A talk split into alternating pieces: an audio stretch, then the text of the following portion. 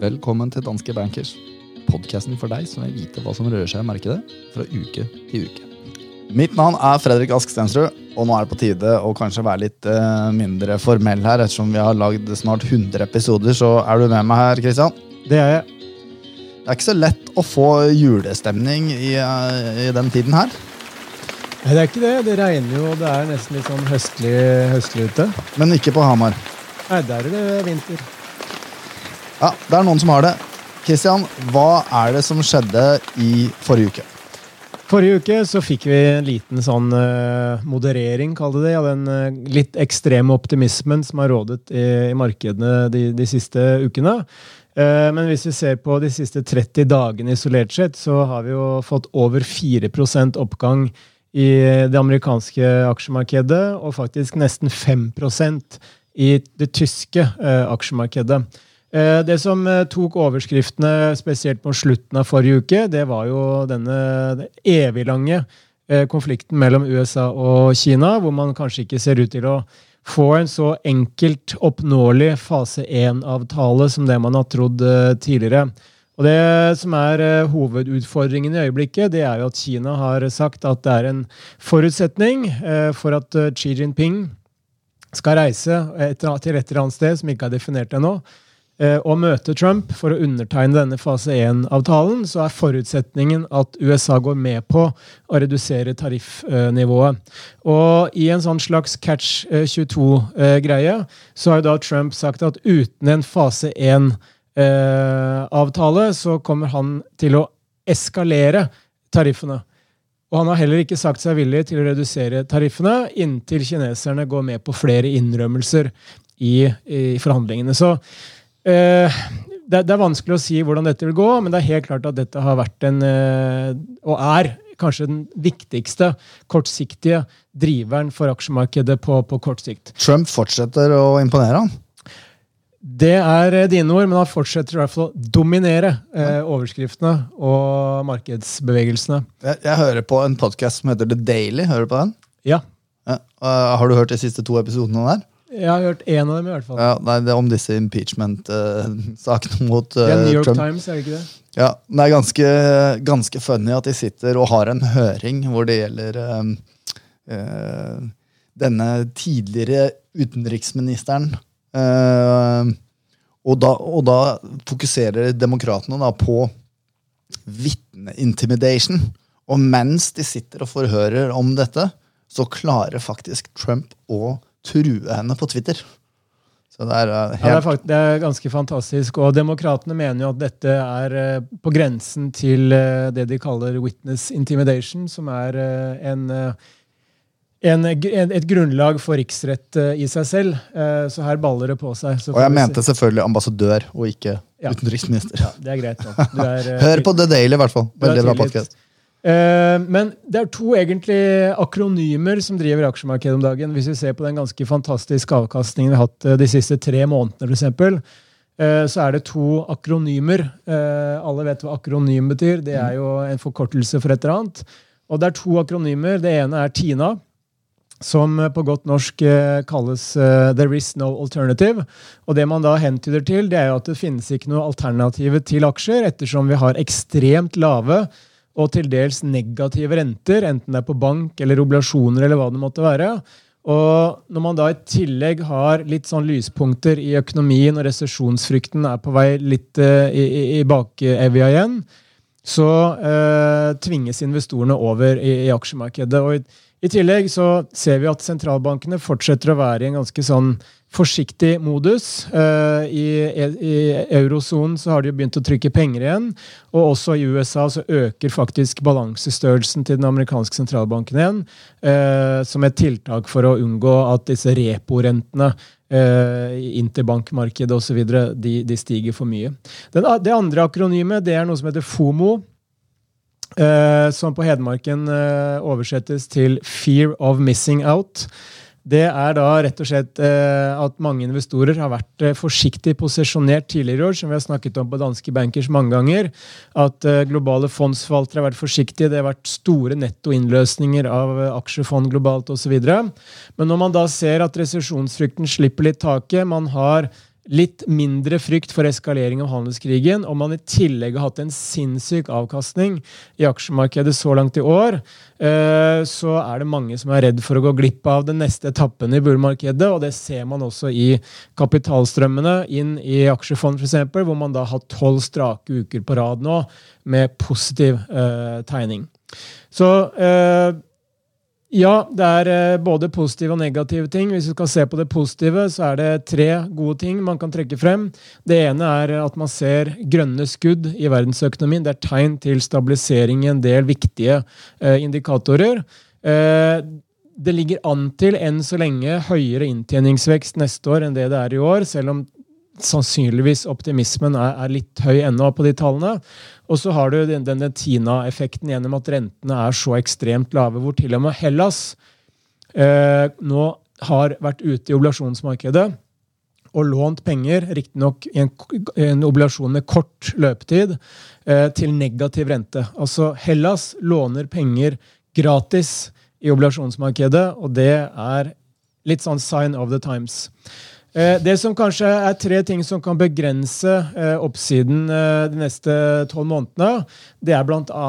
at vi ser fortsatt veldig liten vilje hos bedriftene til å øke investeringene. og Det er fordi handelskrigen er ikke avklart. Tariffene er på plass. Trump er uforutsigbar. Og Hvis man ser på en spørreundersøkelse som er utført blant amerikanske selskaper, så er nettoandelen av selskapene som sier at de vil vente med investeringer fremfor å gå i gang med investeringer, den blir stadig høyere. Så det er stadig flere som venter. I tillegg så har vi litt høyere prising av aksjemarkedet enn det man kanskje normalt har når man får en bunn i, i PMI-ene og i, i, økonomien. Og dette med prising er egentlig en veldig sånn interessant eh, greie, Fredrik. Hvis jeg får lov til å bare snakke litt om det. Det får du. Tusen takk. Det var veldig snilt. Eh, fordi Over tid så er det to drivere for avkastningen i aksjemarkedet. Det ene er selskapsinntjeningen, som vi kan kalle E, fordi det heter earnings på, på engelsk. Og så er det prisingen, som vi da kan kalle P, altså hvor mye eh, Eller aksjekursene, rett og slett. da, Price mm. for aksjekurser. Ja. Eh, og det som da er litt sånn morsomt med dette forholdet, er, som man da gjerne kan lese av i dette såkalte PE-tallet, som da er price aksjekurser i forhold til eh, earnings, inntjening, det er jo at i eh, perioder så vil P kunne stige mer enn E. Det vil si at kursene stiger mer enn inntjeningsforventningene, og da vil aksjemarkedet isolert sett bli dyrere, for da vil jo forholdstallet stige. Eh, men dersom f.eks. E stiger mer enn P, dvs. Si at inntjeningsforventningene stiger mer enn aksjekursene, så vil aksjene i prinsippet bli litt billigere. Men det som har skjedd i 2019 så langt, det er at det har utelukkende vært P som har steget, og ikke E. Fordi vi vet at aksjekursen har steget. Amerikanske aksjer er vel opp 25% så langt i år. Rekordnoteringer osv. Men på den annen side så har analytikerne nedjustert forventningene til E, altså inntjeningsvekst, både for 2019, og de er også i gang med å nedjustere for eh, 2020. Det er pga. FOMO, vet du, Christian. Ja, det er pga. FOMO. Det er helt riktig. Eh, er veldig godt observert, faktisk. Eh, og Hvis vi ser på PE for globale aksjer i øyeblikket, så ligger den på omtrent 16. Uh, og det er på det høyeste nivået siden januar 2018. Men Har du noe snittall der? Over, over, lengre tidsperioder? Ja, de siste ti årene uh, 14,7. Så ikke så langt unna tiår i snitt, med andre ord? Nei, men vi skal også huske på at det høyeste, høyeste P-nivået for globale aksjer siden 2004, det var i januar eh, 2018, og da var den på 16,7.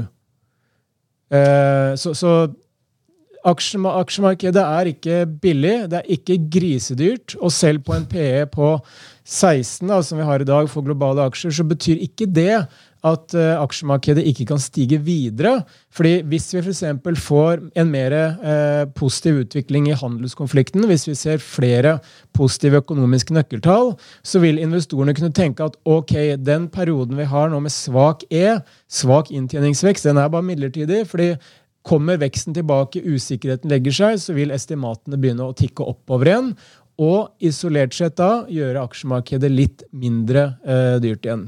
Så det som er liksom eh, greia med PE, det er ålreit å, å, å, forstå seg på hvordan det fungerer, men prising av aksjer, sånn som PE, har veldig liten prediktiv verdi for avkastningen på kort sikt. Med mindre den er på ekstreme nivåer. Så hvis vi har ekstremt høy PE eller ekstremt lav PE, så vil det kunne være et uh, henholdsvis negativt eller positivt signal i forhold til at investorene kan enten være villige til å senke eller øke sin risikovilje. Uh, men Prising av aksjer, f.eks. pris bok, altså da er pris aksjekursene delt på bokført egenkapital hos selskapene, eller den såkalte syklisk justerte PE, uten at vi skal gå alt for det kan dere google for de som ikke kjenner til det, eh, har vist seg å ha en veldig høy treffsikkerhet på avkastning over lengre tidshorisonter, f.eks. 10-15 år. Skal også sies for de som ikke er så vant og vel befart med, med det forholdstallet PE, da, så, så må det jo ses litt ulikt på, avhengig av hvilket marked du måler P1 i òg. Hvis det er i et vekstmarked kontra et etablert marked osv. Absolutt. og det, det, Man skal være forsiktig også med å generalisere fra marked til marked, fordi sammensetningen strukturelt sett mellom sektorer osv. i det europeiske vis-à-vis det amerikanske er veldig forskjellig. Så i utgangspunktet så skal, og det har man historisk også sett, amerikanske aksjer ha en høyere P enn Europa, uten at det nødvendigvis betyr at det er veldig mye dyrere. Eh, så PE har drevet eh, Eller multiple ekspansjon er jo ordet vi egentlig er ute etter. Eh, det er jo fantastisk fint ord. Eh, brukes mye litt vest for ishallen på Hamar. Det har vært den eneste driveren av aksjekursen i år. Og før eller siden så må vi få en rebound også i én for at aksjemarkedet ikke skal bli for dyrt. Det siste temaet jeg har tenkt, tenkt, å diskutere i dag, hvis jeg får lov, Fredrik Kjør på. Det er også en, en fersk eh, rapport fra Institute of International Finance. Har du hørt om det? Ja, Det hørtes ut som en sånn veldig global revisor. Ja, det er omtrent det.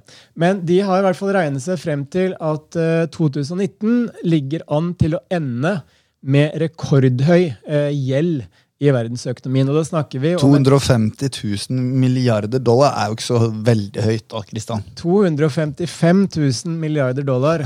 Det er rimelig fett, som du ville sagt.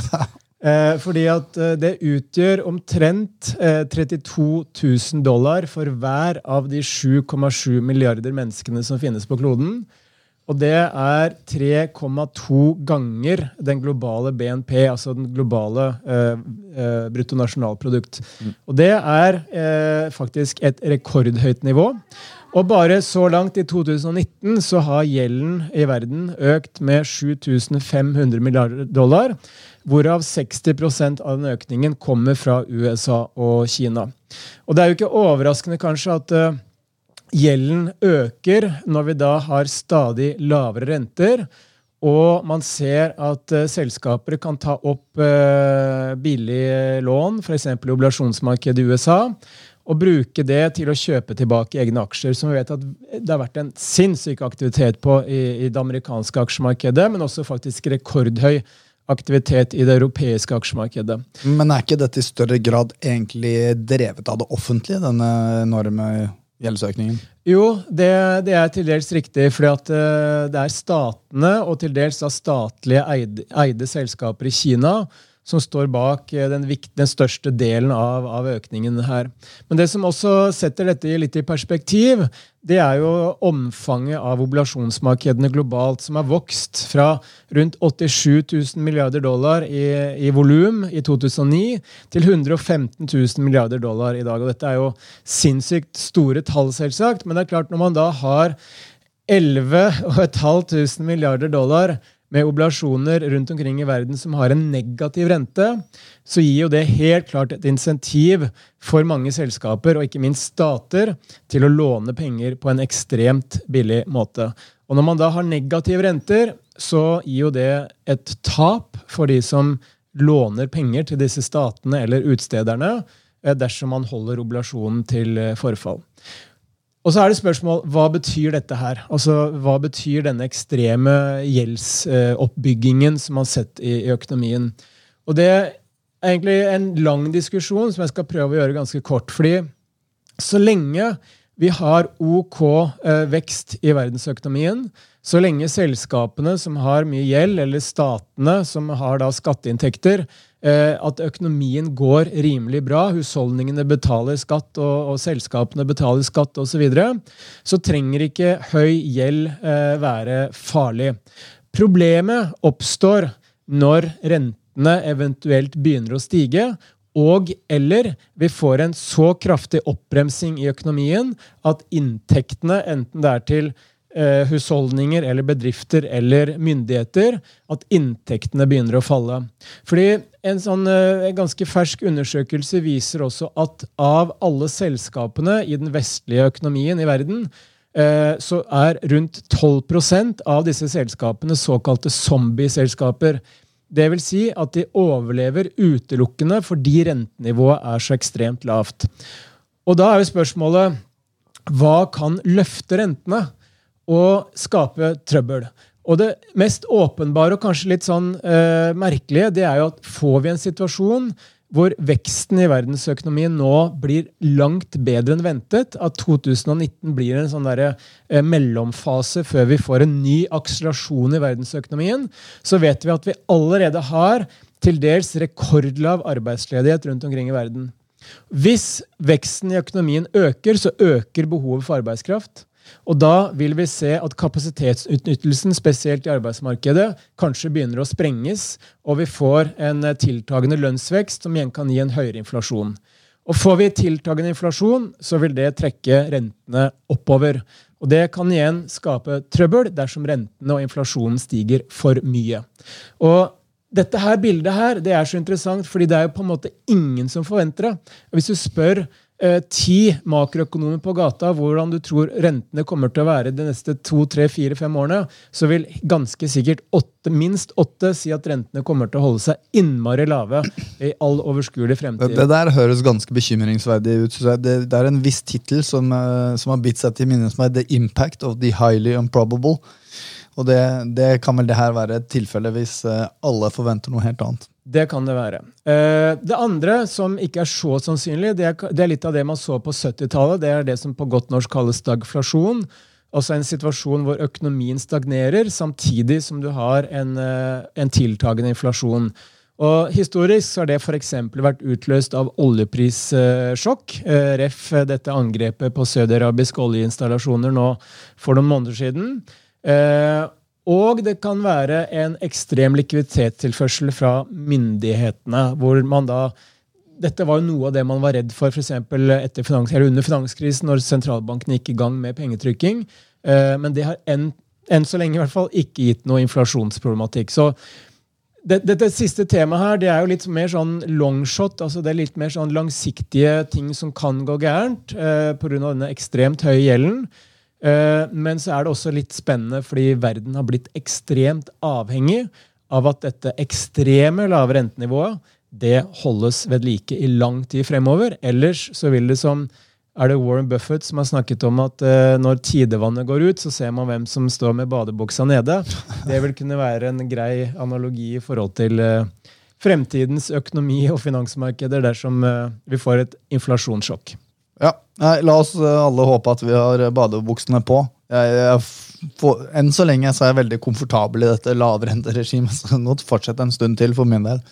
Hva er det som skjer denne uken her? Det som uh, skjer denne uken her som er viktigst, i tillegg til eventuelle nye krumspring i dialogen mellom USA og Kina. Det er onsdag, så får vi et referat fra forrige rentemøte hos den amerikanske sentralbanken. Eh, grunnen til at det vil være spennende, er jo at Fed nå har signalisert at de mest sannsynlig kommer til å holde renten uendret frem til de ser hvordan økonomien utvikler seg. Men det har også vært en del uenighet innad i Fed, og dette kan beskrives nærmere i referatet. Fredag så får vi en ekstremt spennende nøkkeltallsdag, for da får vi det jeg kaller en PMI-bonanza, hvor vi får oppdaterte PMI-tall både fra Tyskland, eurosonen, Storbritannia og ikke minst USA. Og i den situasjonen hvor vi er nå, hvor vi på en måte har vært gjennom en resesjonsfrykt, vi ser tegn til stabilisering, så vil tall som dette her kunne være litt sånn make or break for den vekstoptimismen. Og fredag klokka åtte da får vi et tall som er faktisk veldig viktig for norsk økonomi, nemlig Statistisk sentralbyrå sin oljetellingsundersøkelse, hvor man da får en indikasjon på hva oljeselskapene selv sier om uh, oljeinvesteringene neste år, blant annet. Og dette har vært kanskje den viktigste driveren for norsk fastlandsøkonomi gjennom 2019. Høye, solide oljeinvesteringer. Og for 2019 så ligger det an til en vekst på 15% fra 2018.